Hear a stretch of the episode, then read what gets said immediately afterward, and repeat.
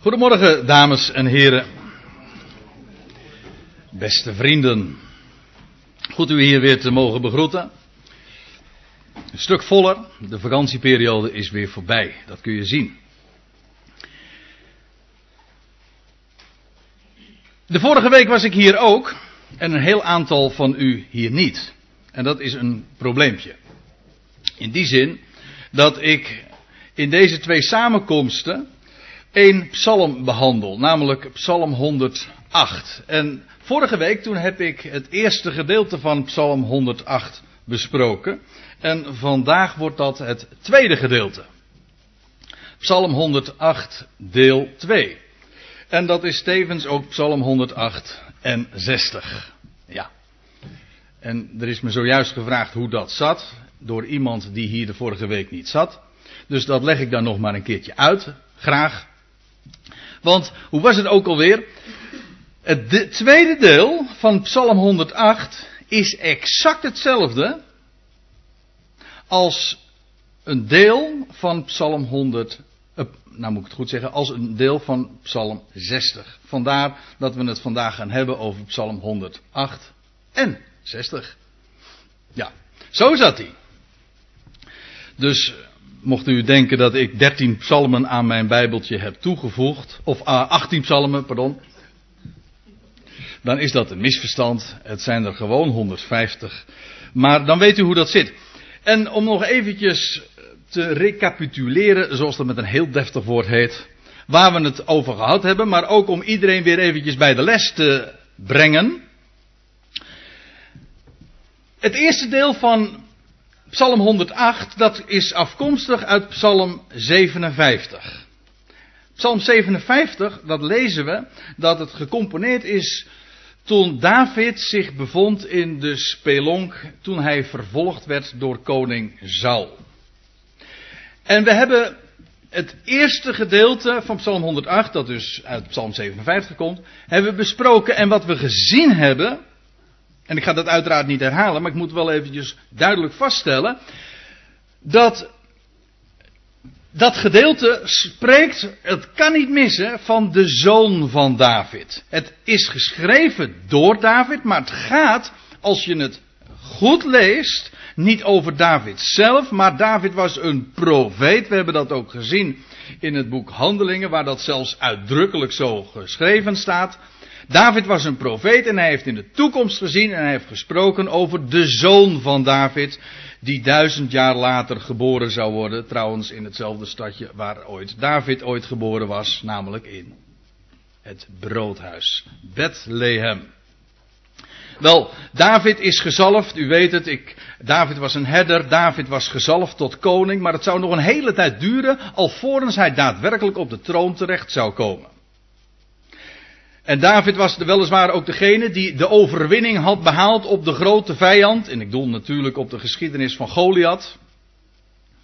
Maar niettemin, het zou nog een tijd duren voordat hij daadwerkelijk vanuit Jeruzalem zou gaan heersen. En dat is een plaatje van de tegenwoordige tijd. Dat wil zeggen, de zoon van David, hij is gekroond met eer en heerlijkheid. Dat wil zeggen, hij is bestemd voor de troon. Hij heeft de overwinning behaald, maar het, het duurt nog steeds. Het is nog steeds toekomst, alvorens hij zijn plaats zal gaan innemen in deze wereld en zijn koninkrijk zal openbaren en openlijk, zichtbaar koning zal zijn over Israël en trouwens over de volkeren ook. Ook dat zullen we, zullen we vandaag zien. En wat blijkt is dat Psalm 57, en wat dus overgenomen is in Psalm 108. Dat gaat over David in de spelonk. En alles wat daar staat, dat blijkt op een of andere manier betrekking te hebben op de waarheden die in deze tijd gelden. Waarin de Heer in het verborgene werkt. En ook niet zichtbaar is. Hij is te verborgen. Hij, is hij heeft als het ware een ondergrondse beweging. Zoals David dat ook had met een legertje van 400 man. Allemaal niet zoveel. Uh, mensen die, eh, die veel voorstelden, bepaald niet. Dat lees je allemaal. We hebben het daar de vorige keer ook over gehad. Maar wat David doet, is het, het bezingen van Gods goede tierenheid. Die hoger is dan de hemelen en zijn trouw die reikt tot aan de lucht. The sky is the limit, weet u nog, daar hadden we het over. Nou, al die waarheden die, die in dat eerste deel van Psalm 108 besproken worden, die blijken betrekking te hebben op deze tijd van verborgenheid. Maar dan komen we nu in het tweede gedeelte. En daar gaan we het vandaag over hebben. En dat dus uit Psalm 60 afkomstig is. En dat is geschreven toen David inmiddels koning was. En zich gevestigd had in Jeruzalem ook. Maar dan lees je in Psalm 60 dat het geschreven is nadat hij de overwinning behaald had over diverse volkeren in het noorden en in het oosten en in het zuiden zelfs. En naar aanleiding van die gebeurtenissen is Psalm 60 gecomponeerd en dat is dus overgenomen in Psalm 108. Nou, dat is ongeveer de samenvatting, dat is de setting waar we het over hebben. En ik stel voor dat we eerst dat de psalm nog eens eventjes goed lezen. Dan weten we de slotverrekening waar we het over hebben. Psalm 108. Een lied, een psalm van David. Mijn hart is gerust, o God. Ik wil zingen. Psalm zingen, ja, van harte. Waak op, harp en citer. Ik wil het morgenrood wekken. Ik zal u loven, o Heere, onder de volkeren. U psalm zingen onder de natieën. Want hoger dan de hemel is uw goede tierenheid. Tot aan de wolken reikt uw trouw. Verhef u boven de hemel, o God, en uw heerlijkheid zij over de ganse aarde. Dat is deel 1. En dan krijgen we nu deel 2, en dat is dus uit Psalm 60 afkomstig. Daar gaan we het vandaag over hebben. En dat begint met, opdat uw geliefden ten strijde toegerust zijn. Geef overwinning door uw rechterhand en antwoord mij. God heeft gesproken in zijn heiligdom. Ik wil juichen, ik wil Sichem verdelen. Het dal van Sukkot uitmeten. Mij behoort Giriat. Mij behoort Manasse. Ephraim is de schutse van mijn hoofd. En Juda, dat is mijn heerserstaf. Moab, dat is mijn wasbekken. En op Edom werp ik mijn schoen. Over Filistea zal ik juichen.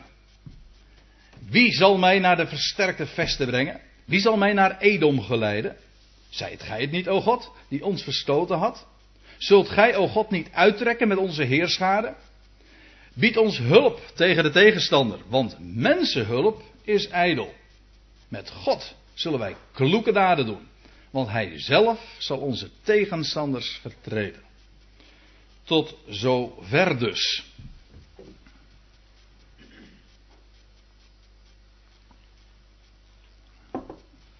Ik had u gezegd dat deze psalm, dit gedeelte van de psalm, dat dus uit psalm 60 afkomstig is, gecomponeerd is toen David de overwinning had behaald over diverse volkeren. Dat lees je in het begin van Psalm 60, zodat daar geen enkel misverstand over hoeft te bestaan. Maar we lezen daar ook over in het tweede boek van Samuel. En ik zal dat eens voorlezen. In 2 Samuel 8 dan lees je, dat is de geschiedenis van, van David. Daar staat er in 2 Samuel 8 vers 11, al de volkeren die hij, en dan gaat het over David, had onderworpen. En dan worden genoemd Aram. Aram ligt daar in het noorden, richting Syrië. Moab, dat ligt ten oosten van de Dode Zee. De Ammonieten, dat ligt iets daarboven. De richting van Amman. Ammon en Amman, de hoofdstad van Jordanië, dat is direct aan elkaar gelinkt. Amman komt van Ammon. Dan begrijpt u dat ook.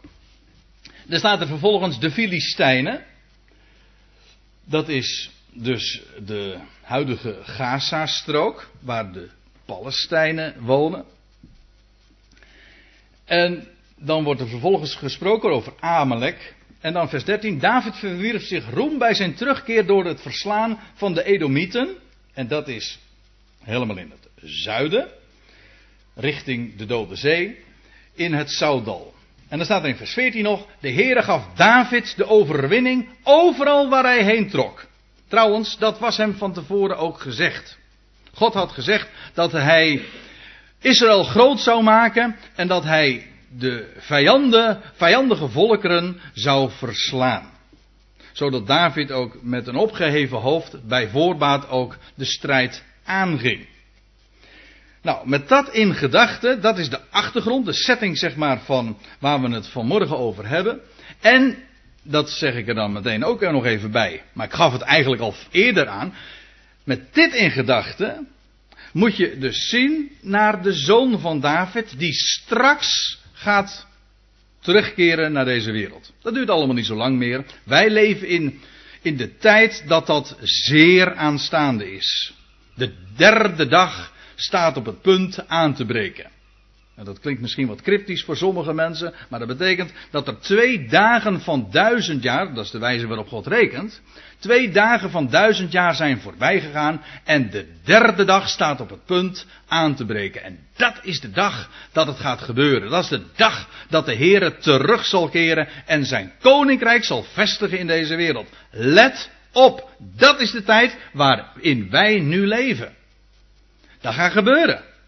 En dan zal de zoon van David terugkomen. Dan zal hij als het ware uit de spelonk komen. En dan zal hij uiteindelijk worden waartoe hij ooit gezalfd was. Namelijk de koning te Jeruzalem. En de koning van Israël. En zelfs de koning van de volkerenwereld. Want hij zal al de volkeren aan zich onderwerpen.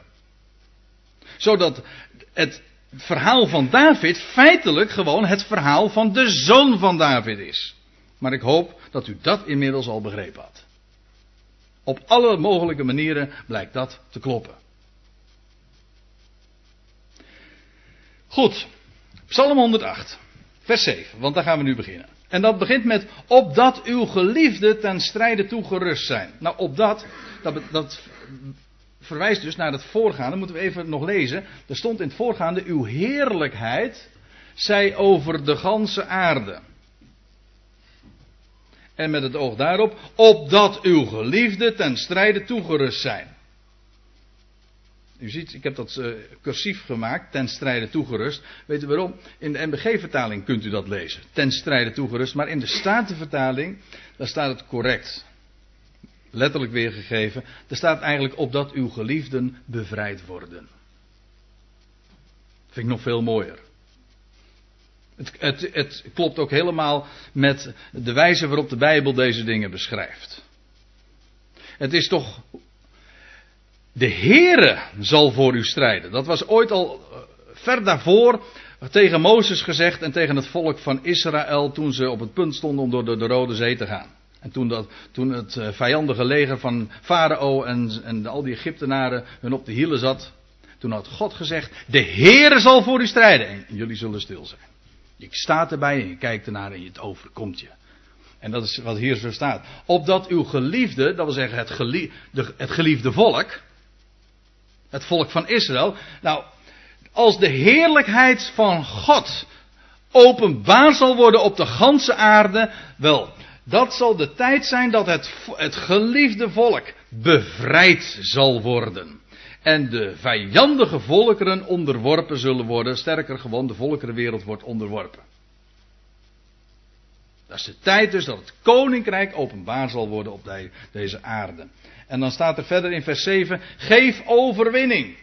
En de BG-vertaling, ook hier staat de, is de Statenvertaling weer correct. Er staat letterlijk: geef heil, dat wil zeggen redding. Dat is trouwens ook het woord Yeshua.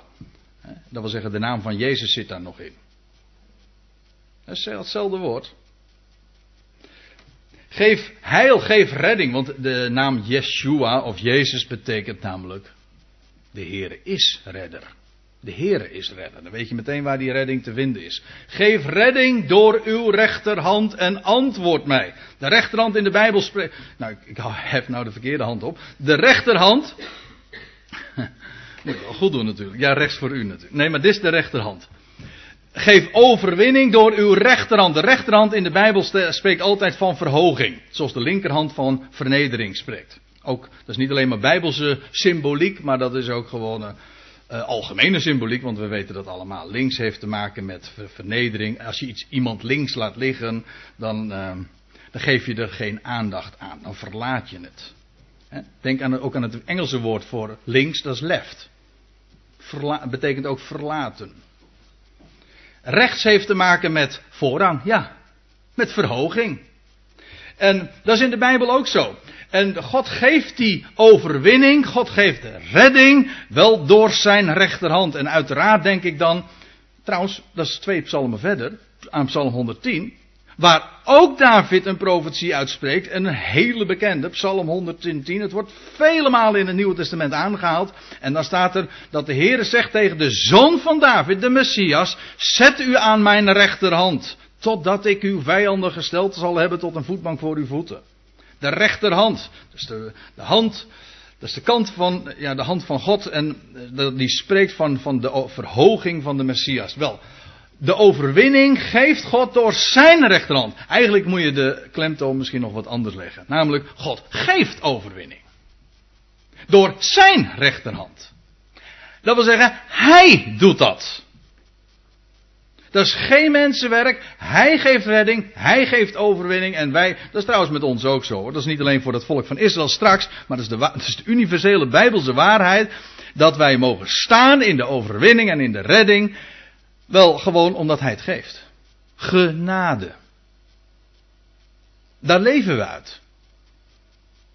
Als we nu al willen leven in de overwinning, dan is dat niet een kwestie van strijden, vechten. Weet, een heleboel mensen hebben dat. Die vechten tegen de zonde en is stobben en dat is moeilijkheden. En de Bijbel is zo anders. Dus ook in dat opzicht volkomen evangelie. God zegt, ik geef het je. En wanneer je hem kent, dan weet je wat de Bijbel dan zegt. Je bent meer dan overwinnaar. Romeinen 8. Door hem die jou kracht geeft. Ja, echt. Je bent meer dan een overwinnaar. Kan dat? Hoe kun je nou meer dan een overwinnaar zijn? Je kan verliezen. Je kan gelijk spelen. Om even het in sporttermen te zeggen. En je kunt overwinnen. Maar hoe kun je nog meer dan overwinnen? Nou, ik denk. Een gewone overwinnaar. Die moet vechten, die moet strijden. om de overwinning te behalen. Maar wij zijn meer dan overwinnaars. Waarom? Omdat we de overwinning domweg gaan krijgen, ontvangen. Wij staan per definitie op voorhand zonder dat we er enige strijd en enig aandeel aan hebben geleverd in die overwinning. Wij hebben dat ontvangen en wij, wij leven daar dag in dag uit. uit ja. We staan op s morgens, en we staan op en dan staan we in de genade en, dan dan, dan danken we God voor alles wat Hij geeft. En wat Hij bemacht is te doen met ons leven. En dat is veel meer dan u bidt, of denkt, of droomt, of beseft. Enfin, terug even naar Psalm 108. Geef overwinning door uw rechterhand en antwoord mij, zegt David dan. God heeft gesproken in zijn heiligdom. Ik refereerde er zojuist al aan dat David op voorhand al wist dat hij de overwinning zou behalen, want God had het hem, op, had het hem namelijk tevoren gezegd. We lezen in 2 Samuel 5, vers 19, bij één zo'n gelegenheid, dan staat er, David vroeg de Heer, zal ik optrekken tegen de Filistijnen? En de Heer antwoordde David, trek op, want ik zal de Filistijnen, of de Palestijnen, dat is hetzelfde woord, ik zal de Filistijnen zeker in uw macht geven. David was er zeker van, op voorhand. God had gesproken in zijn heiligdom. Trouwens, als God spreekt, dan is dat per definitie zijn heiligdom, waar hij zijn woord ook uitspreekt. Als hij, als hij zijn woord uitspreekt, waarom is de tempel een heiligdom? Wel omdat daar het woord van God verborgen ligt. Als het er nou helemaal om gaat, daar is het woord van God, wordt het bewaard. Daar in die ark, in die kist. Daarom is het in wezen ook een heiligdom. En waarom is ons lichaam heilig en een tempel? Wel, omdat Gods woord in ons verborgen ligt. Bewaard wordt. Wortel geschoten heeft. Maar hoe je zeggen wil. Maar goed. God heeft gesproken dus in zijn heiligdom. En dan zegt David verder. Want we gaan eh, maar wat door. Ik, ik, dat is David dus. Ik wil juichen. Want God had gesproken. En dan zegt David: Ik wil juichen. Ik wil Sichem verdelen. Sichem was de hoofdstad van Ephraim. En, en het dal van Sukkot wil ik uitmeten. Dat lag aan de andere kant van de Jordaan. U kunt het goed zien. Het rode plaatsje dat is Sichem. En die andere kant, dus niet alleen maar de ene kant van de Jordaan, de westbank zal ik maar zeggen, maar ook de oostkant, wat in het huidige Jordanië ligt, dat is allemaal mijn bezit, dat beheers ik. David zegt, ik wil Sichem verdelen, het dal van Sukkot uitmeten, dat betekent gewoon dat het aan hem toekomt. Dat, het zijn, dat hij daar heerschappij over voert en daarom kan hij het uitmeten, daarom kan hij het ook verdelen. Het is van hem, het is zijn bezit. Waarbij ik trouwens nog moet opmerken, dat woord Sukkot, als ik het Hebreeuws zeg, dan zeg ik Sukkot. En misschien komt u dat bekend voor. Laat ik eerst eens even zeggen wat, wat Sukkot betekent. Dat uh, hoeven we helemaal niet te verzinnen. Dat staat in Genesis 33, vers 17. Maar Jacob brak op naar Sukkot, Sukkot, hetzelfde woord. En voor zijn kudde maakte hij hutten. En daarom noemde hij die plaats Sukkot. Dus wat betekent Sukkot? Hutten, ja. Oftewel, loofhutten. Ja. Het laatste feest op, op Israëls kalender, in Leviticus 23 kunt u het lezen. In de zevende maand moest Israël een feest vieren, het loofhuttenfeest. Het was het feest naar aanleiding van de wijnoogst. Of van de druivenoogst. En naar aanleiding van die, dat feest werd het loofhuttenfeest gevierd. Sukkot. En de, deze vermelding vind ik helemaal niet vreemd, want in wezen Sukkot, het loofhuttenfeest, spreekt, ik ga dat nu verder niet uitleggen, maar misschien kunt u dat zelf wel bedenken, het spreekt van de dag dat de Heer zal komen. De zevende dag, hè? De, of ook de zevende maand, het heeft te maken met het Messiaanse Rijk. Denk daar maar eens over na.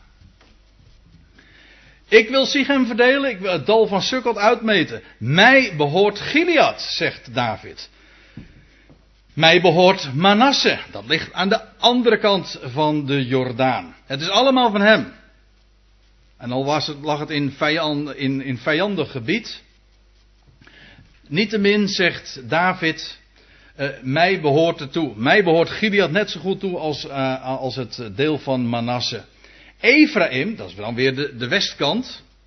In vers 8 noemt hij de oostkant van de Jordaan. In uh, in vers 9 de westkant. Ephraim is de, schut, de schutse, dat wil zeggen de beschutting van mijn hoofd.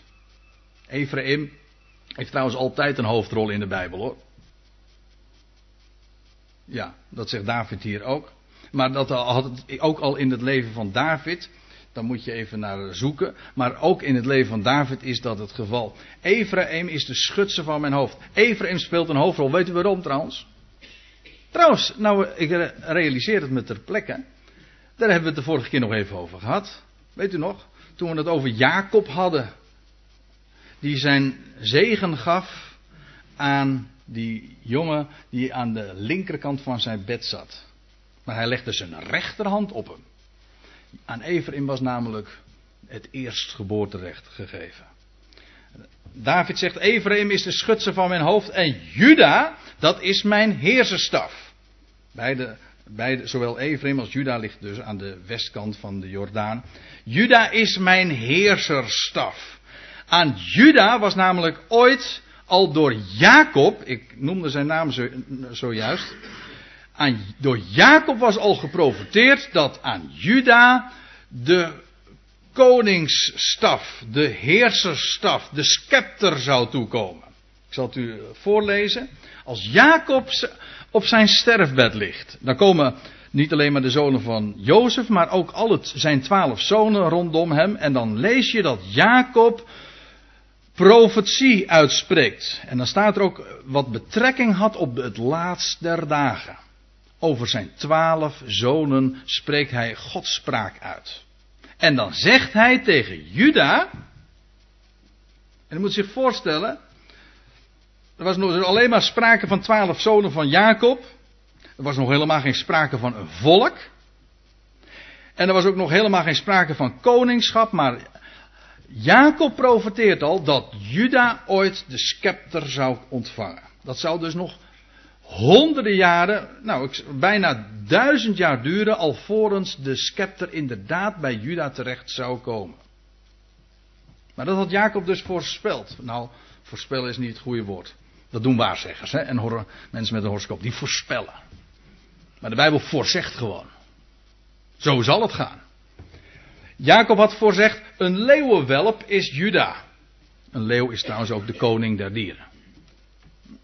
Een leeuwenwelp is Juda. De scepter zal van Juda niet wijken, noch de heerserstaf tussen zijn voeten. Totdat Silo, dat is trouwens ook een plaatsje in Ephraim, waar eerst de tabernakel kwam te staan. Maar goed.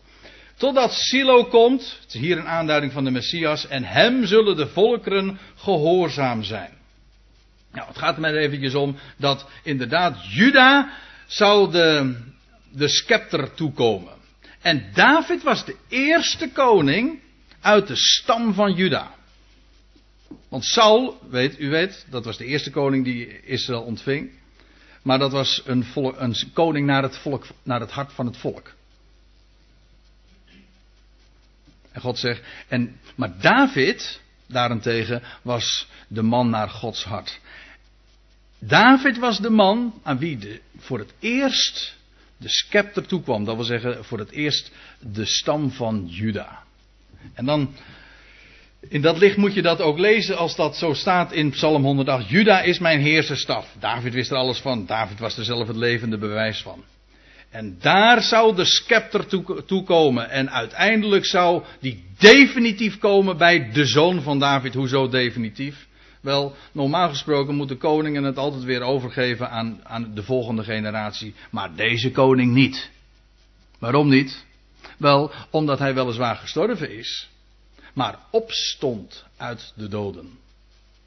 En daarom onvergankelijk leven aan het licht bracht en zijn koningschap niet meer hoeft over te geven. Ik lees verder. Moab is mijn wasbekken. Dat is mooi hè, zoals David dat in deze psalm doet. Hij beschrijft zo allerlei gebieden en hij benoemt ze ook.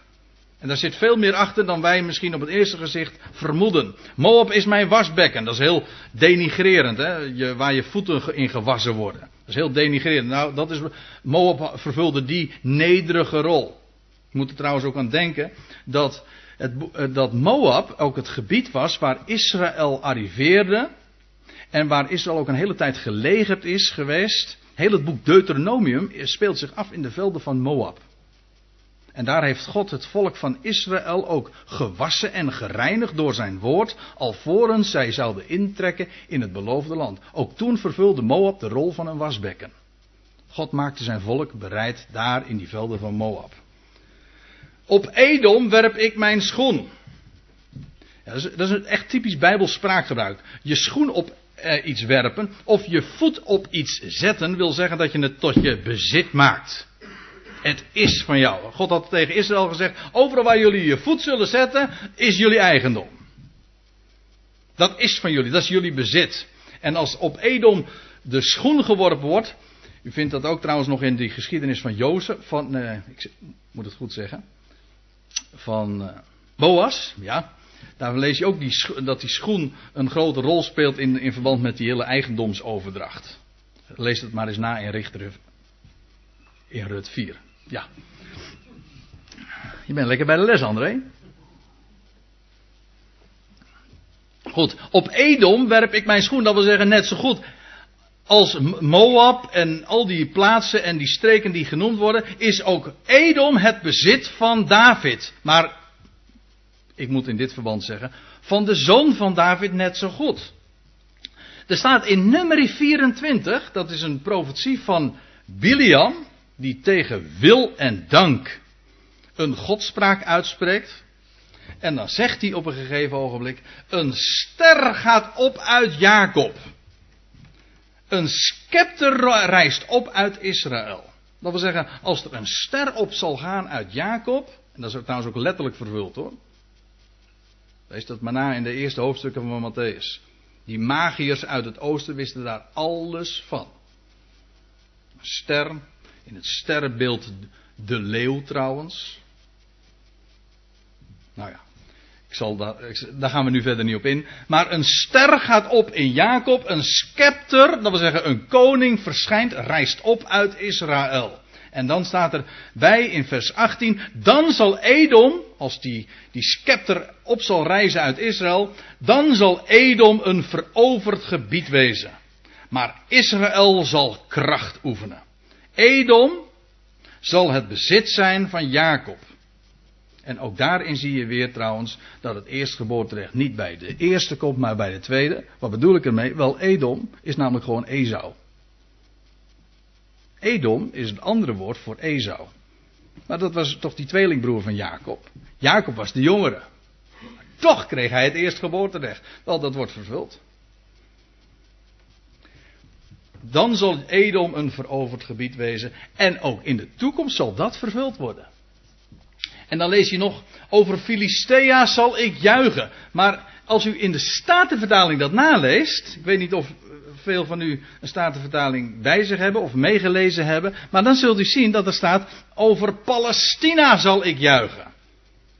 Bij ons in het Nederlands zijn dat verschillende woorden. Filistea, Palestina. Maar in de Bijbel niet. Dat is exact hetzelfde woord. In het Hebreeuws is dat Palestina. En dan kun je het helemaal het verschil niet meer horen. Filistea, Palestina. Het is namelijk over Filistea, dat wil zeggen over Palestina zal ik juichen. En u weet, dat is in de Bijbel dat gebied dat aan de, de vijf steden van de Filistijnen, dat waren Gaza, Ekron, wat was Asdod, dat, dat is de huidige Gazastrook, waar ook de huidige Palestijnen wonen. De, huidige Palestijnen zijn op geen, van geen kant afstammelingen van de Filistijnen vroeger, maar ze vervullen wel helemaal hun rol. Ze zijn hun erfgenamen, zal ik maar zeggen. Nou, weet u wat er staat? Dat is, ook in, dat is niet alleen maar waar wat hier staat, dat David zegt over Filistea zal ik juichen, dat wil zeggen zal ik de overwinning behalen. Maar dat zal ook gelden voor de zoon van David. Als straks de zoon van David zal verschijnen, dan zal hij inderdaad zijn troon innemen, zijn troon gaan bezetten te Jeruzalem. En dan zal ook het Palestijnse probleem, tot op de dag van vandaag een gigantisch probleem in het Midden-Oosten. Maar dat probleem zal worden opgelost en ook de Palestijnen zullen worden onderworpen. Niet aan de staat Israël, aan de huidige Joodse staat die in ongeloof daar zich gevestigd heeft. Nee, het zal toekomen aan de zoon van David. Weet u wat er staat in Ezekiel 25? Daar staat dit. Zo zegt de Heere Heere. Omdat de Palestijnen, of de Filistijnen, wraakzuchtig gehandeld hebben. Denk er eens over door. Betrek het eens op de actualiteit. Daarom, zo zegt de Heere Heere, zie ik strek mijn hand uit tegen de Palestijnen. Zelfs het overblijfsel aan het strand van de zee, want daar wonen ze namelijk, uh, zal te gronden worden gericht. En, ze zullen, en zij zullen dan, want daar zie, je ook, daar zie je ook dat het echt toekomst verwachting is, dat het profetie is die in onze dagen nog vervuld moet worden. En zij zullen weten dat ik de Heer ben wanneer ik mijn wraak over hen breng. En de Heer hen uh, zal vergelden. Wat in de Bijbel trouwens ook altijd iets positiefs is, namelijk van herstellen. Maar in ieder geval, dan zullen zij ook weten wie de Heere is, wie de Messias is. En dat zal dan allemaal openbaar worden. Ik lees verder. Want David zegt in vers 11: Wie zal mij naar de versterkte vesten brengen? Wie zal mij naar Edom geleiden? Edom, ik heb het u al eerder gezegd, dat ligt daar dus ten zuiden van de Dode Zee, boven de golf van Eilat. Dat gebied. En daar is een versterkte veste. Wat zeg ik? Een gigantische stad daar ligt, ligt daar eh, verborgen, ja in de bergen van, van dat gebied. En die stad heet Sela. In het Hebreeuws. Sela betekent rots. In het Grieks, zou, als ik het in het Grieks moet zeggen, dan heet die stad Petra. Een naam die mij altijd erg aanspreekt op een of andere reden. Maar... En Petra, dat is de stad daar in de bergen van Edom. Vorig jaar heb ik begrepen, is de stad uitgeroepen tot een van de zeven wereldwonderen. Het is echt een hele bijzondere stad. Helemaal uitgehouwen uit de rotsen. Er is, het is geen menselijk bouwwerk. Dat wil zeggen, het is niet gemaakt van, van bakstenen of zo. Nee, het is helemaal uitgehouwen uit de, de rotsen. Ik zal u een paar plaatjes laten zien. Je je kunt er alleen maar komen in die stad doordat je eerst 1700 meter door een hele nauwe kloof, want nauw is de weg, hè? Smal is de weg die naar het leven leidt. Dat, is ook, dat, dat, geldt ook hier in dit verband. Voordat je bij die stad komt, moet je eerst 1700 meter door een hele nauwe kloof. U ziet dat hier ook afgebeeld. En dan kom je op een gegeven ogenblik in een gigantisch wijds gebied. Een complete stad met alles erop en eraan. Met een prachtig heiligdom. U ziet dat hier ook afgebeeld. Helemaal uitgehouden uit de bergen. En dat is die versterkte veste waar David het over had. Het is al een duizenden jaren oude plaats. En David is daar ook geweest. En David, je leest daar verschillende keren ook over in de Bijbel. Maar die stad zal in de toekomst ook weer een belangrijke rol gaan spelen. Weet u dat? Als de zoon van David straks zal gaan verschijnen. Let op. Ja, en dan is er, moet ik er nog wat bij zeggen. Er staat in vers 11 bij. Wie zal mij naar de versterkte vesten brengen? En wie zal mij naar de Edom geleiden? Er is namelijk een, een route die daar naartoe gaat. Een hele lange route, een lange weg. En weet u hoe die weg heet? De King's Highway. Tot op de dag van vandaag. En die weg heet al heel lang zo. Al duizenden jaren. In de Bijbel wordt die weg al genoemd. In Numeri lees je dat Israël vraagt, als ze, als ze de koning van Moab vragen om door dat gebied te gaan. En zeggen, mogen, uh, wij, wij, wij, wij doen dat allemaal heel erg netjes en wij zullen niks vernielen of zo. Wij zullen gewoon de koninklijke weg betreden, zegt Israël dan. De koninklijke weg. De weg van de koning. En tot op de dag van vandaag heet die route die daar leidt, die weg die daar is, de koninklijke weg, of in het Engels de King's Highway. En waarom zou die, waarom zou die route, waarom zou die weg zo heten? Nou, je kunt natuurlijk zeggen, bijvoorbeeld omdat koning David ooit die weg is gegaan. Als hij zegt, wie zal mij naar die versterkte vesten brengen? Wie zal mij naar Edom geleiden? Maar laat ik u vertellen, het is de weg die de zoon van David zelf zal gaan. Dat is de king bij, bij uitstek. Hij zal daar inderdaad naar Petra gaan. Die stad in de woestijn waar een overblijfsel zal worden bewaard. Als er straks over deze wereld een grote verdrukking zal komen, dan lees je, u kunt het nalezen, ja, vele plaatsen, maar in openbaring 12, dan lees je dat, uh, dat Israël zal vluchten naar de woestijn. Openbaring 12, vers 6 en 7 geloof ik. Dat Israël zal vluchten naar de woestijn. En dat ze dat al daar haar een plaats is bereid van Gods wegen. Waar ze 1260 dagen bewaard zal worden. Dan zal ze onaantastbaar zijn voor die vijand. Daar zal ze bewaard worden. En vanuit die stad lees je ook dat het volk van Israël verzameld zal worden in die stad. In de woestijn. En dan vanuit die stad waar ook nog weer een heleboel andere dingen plaats zullen vinden, zullen ze optrekken weer gewoon naar het beloofde land. Ik geef toe, het is een wat hapsnap. Ik vertel wat uh, dingen wat fragmentarisch. En als je de grote lijn niet hebt, dan, dan kan ik me voorstellen dat het wat moeilijk is om op te pakken. Maar hou dit vast.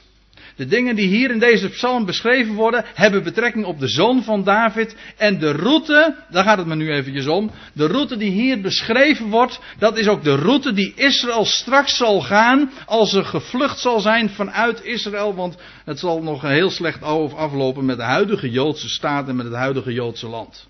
En dan zullen ze vluchten naar de bergen. En daar in die stad zullen ze bewaard worden en ook verzameld worden en hersteld worden. En vanuit die stad zullen ze optrekken naar Jeruzalem, de stad van de grote koning.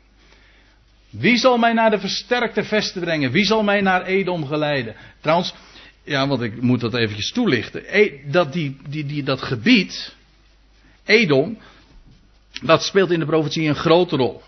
Ik kan er natuurlijk niet, niet veel over zeggen, maar ik, moet, ik, moet, ik vind dat ik verplicht ben. Dat als ik hier deze dingen zeg, dat ik ook uh, de bonnetjes moet geven. In ieder geval wat de hoofdlijnen betreft. Jesaja 63, daar staat dit. Vers 1. Wie is het die van Edom komt? In helrode kleden van Bosra. Bosra is, een, die twee, dat is in wezen dezelfde naam als Petra of Sela. Al die namen vind je in de Bijbel vermeld. Het is die versterkte stad. Sommigen zeggen dat het een locatie is, pal daarnaast. Ik, dat soort details laat ik nu rusten. Maar het is diezelfde, datzelfde gebied. Wie is het die van Edom komt, in helrode klederen van Bosra, die daar praalt in zijn gewaad, vier voortschrijdt in zijn grote kracht? Ik ben het, dus de Heer, die in gerechtigheid spreekt, machtig om te verlossen. Waar komt de Heer straks vandaan? Hoe zal hij inderdaad zijn koninkrijk gaan vestigen? Van waar komt hij dan? De meeste mensen weten het niet. De meeste mensen weten wel van ja, hij komt straks vanuit de hemel. Maar weet u ook dat hij vanuit Edom zal komen? Vanuit Bosra, vanuit Petra, Sela, die stad daar in de woestijn. Die daar al zo lange tijd bewaard is door, van Gods wegen. Een plaats van God bereid. De Heer zal vandaar komen, vanuit Edom en vanuit Bosra zal hij de verlossing voor Israël bewerken. Nog een, nog een plaatsje uh, in de Bijbel, Micha 2. Daar staat, voorzeker, zegt dat is een profetie van, die Micha uitspreekt, uh, direct van Gods wegen. Voorzeker zal ik u, o Jacob, in uw geheel bijeenbrengen. Voorzeker vergaderen het overblijfsel van Israël. Dat wil zeggen, dat wat van Israël overgebleven is, zal ik verzamelen. Ik zal hen bijeenbrengen als schapen van Bosra. Heb je die plaats weer? Daar in de woestijn, in Edom, daar worden, daar wordt de kudde van Israël door de herderkoning David, of de zoon van David, wordt de kudde bijeengebracht. Als een kudde in het midden van de weide. En het zal er gonzen van de mensen. Man, wat een, een bijzondere dingen worden hier beschreven. Is onvoorstelbaar. Probeer, ik moet altijd nog denken. Ik heb ooit die uh, film van Indiana Jones gekeken. Uh, daar speelde die, uh, daar zijn hele, hele grote episoden uit die film. Schitterende film trouwens, vond ik. Speelde de stad Petra ook een, een, grote rol. Ik vond het heel indrukwekkend. Ik wist toen ook al iets van de profetische betekenis destijds van, van Petra. En als je dan in, hoe indrukwekkend dat die, die, die stad daar in de woestijn is. Maar als je dan bedenkt wat voor rol die stad nog in de toekomst gaat spelen. Dat is onvoorstelbaar. En als je het, het zal er gonzen van de mensen. Wat een, uh, en als dan de Messias daar zal verschijnen en inderdaad zijn volk zal vergaderen en verzamelen. Dan staat er nog in vers 13, de, de doorbreker trekt voor hen op. Dat wil zeggen, voor diegene die hen voor zal gaan. Zij breken door en ze trekken door de poort, die chic, hè, die 1700 meter lange, uh, die, die smalle weg zal ik maar zeggen. En, en ze gaan daar dooruit en hun koning, David, de zoon van David, trekt voor hen uit en de heren aan hun spits. En dan gaan ze zo op weg via de King's Highway naar het beloofde land. Kijk, Psalm 108 gaat over de dingen die David daarin heeft meegemaakt. Maar ze zijn rechtstreeks een illustratie van wat de zoon van David straks gaat bewerken. Als hij zal verschijnen. Wie zal mij brengen naar de versterkte vesten en wie zal mij naar Edom geleiden? Zijt gij het niet, staat er dan vervolgens vers 12. Zijt gij het niet, o God, die ons verstoten had? Dat is de tijd waarin wij nu leven, waarin Israël terzijde gesteld is. Maar straks gaat hij de draad weer oppakken. En dan zal hij uittrekken met, met de heerscharen van Israël. Met dat wil zeggen met hun menigte, met hun troepen. Met die, met die gonzende mensenmenigte. Die dan via die weg weer zal gaan naar, ja, naar Juda, naar Edom. Maar vervolgens ook weer op zal trekken naar het beloofde land. Ja, dat is heel wat wat ik nu allemaal zo vertel. Maar dat zijn zo de vergezichten die je in Psalm 108 zich ont, aan ons uh, gezicht, zeg maar, ontvouwen. Bied ons hulp tegen de tegenstander, zegt David. Want mensenhulp, staat de vertaling staat, mensenheil is ijdel. Inderdaad. Mensen kunnen wat dat betreft niets beginnen. Dat is altijd zo hoor. Als het er nou helemaal op aangaat, als het er nou helemaal op aankomt, kan een mens je niets bieden. Fundamenteel. Dan heb je het helemaal van God te verwachten. Stond trouwens ook in een andere psalm al. Psalm 146. Vertrouwt niet op prinsen. Op een mens, al is, al is het dus een, iemand in hoogheid, vertrouw er niet op, er. Op een mensenkind bij wie geen heil is. Waarom niet? Nou, staat erbij. Gaat zijn adem uit, dan keert hij weder tot, tot zijn aarde. Ten dien dagen vergaan al zijn plannen. En hoe groot je dan ook bent, of hoe beroemd je dan ook was, of hoe belangrijk en bekende tv-presentator je ook was. Hè? wat is een mens? Je, je, je krijgt de melding, je bent ziek. Je bent ernstig ziek. En een een dag of wat later, een week of wat later, ben je er niet meer.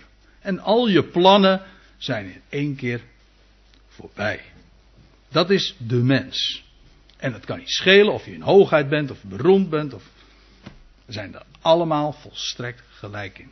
En daarom van een mens hoef je het niet te verwachten. Geldt ook voor de toekomst, want het is de Heer die dat alles zal realiseren.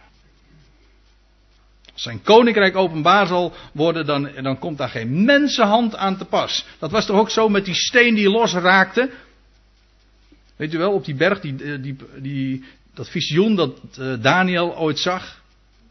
En dat beeld verpulverde, dat, dat reusachtige beeld. Die Goliath werd, als het ware zo neergeveld door dat steentje. Ja, en daar staat er nog bij, dat steentje raakte los zonder toedoen van mensenhanden. Bied ons hulp tegen de tegenstander, want mensenhulp is ijdel. Met God zullen wij kloeke daden doen. Want hij zelf, of hij zelf, zal onze tegenstanders vertreden. Dat is de laatste, laatste vers van deze psalm. Dat wil zeggen, hij alleen doet het. Dat is waar deze psalm mee besluit. En dan, dan besluit ik ook mee met een citaat uit Jesaja 9.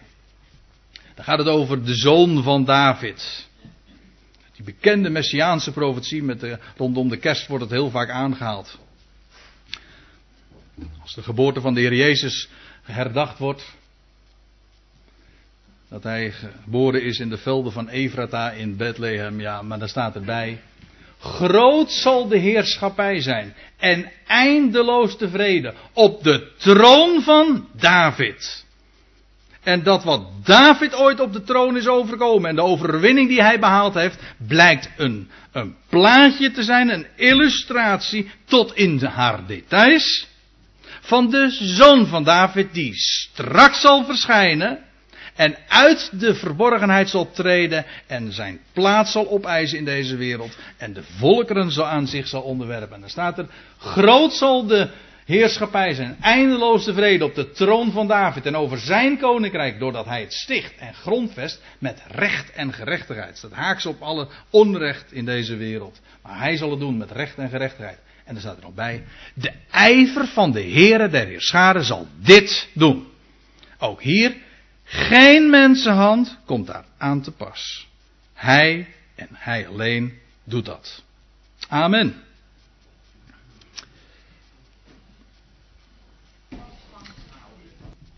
Zullen we met elkaar onze Hemelse Vader danken?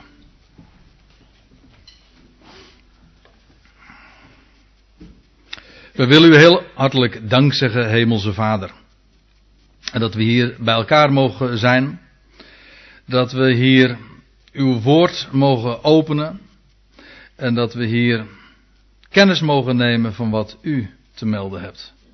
En Heer, we verbazen ons telkens weer over de rijkdom van uw woord. Van die eeuwenoude, wat zeg ik, duizenden jaren oude woorden. En een psalm als deze, die we vanmorgen ook besproken hebben, is inmiddels 3000 jaar oud.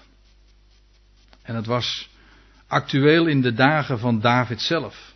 Omdat het sprak ook van zijn situatie. Maar wat we hebben ontdekt is, het spreekt van meer.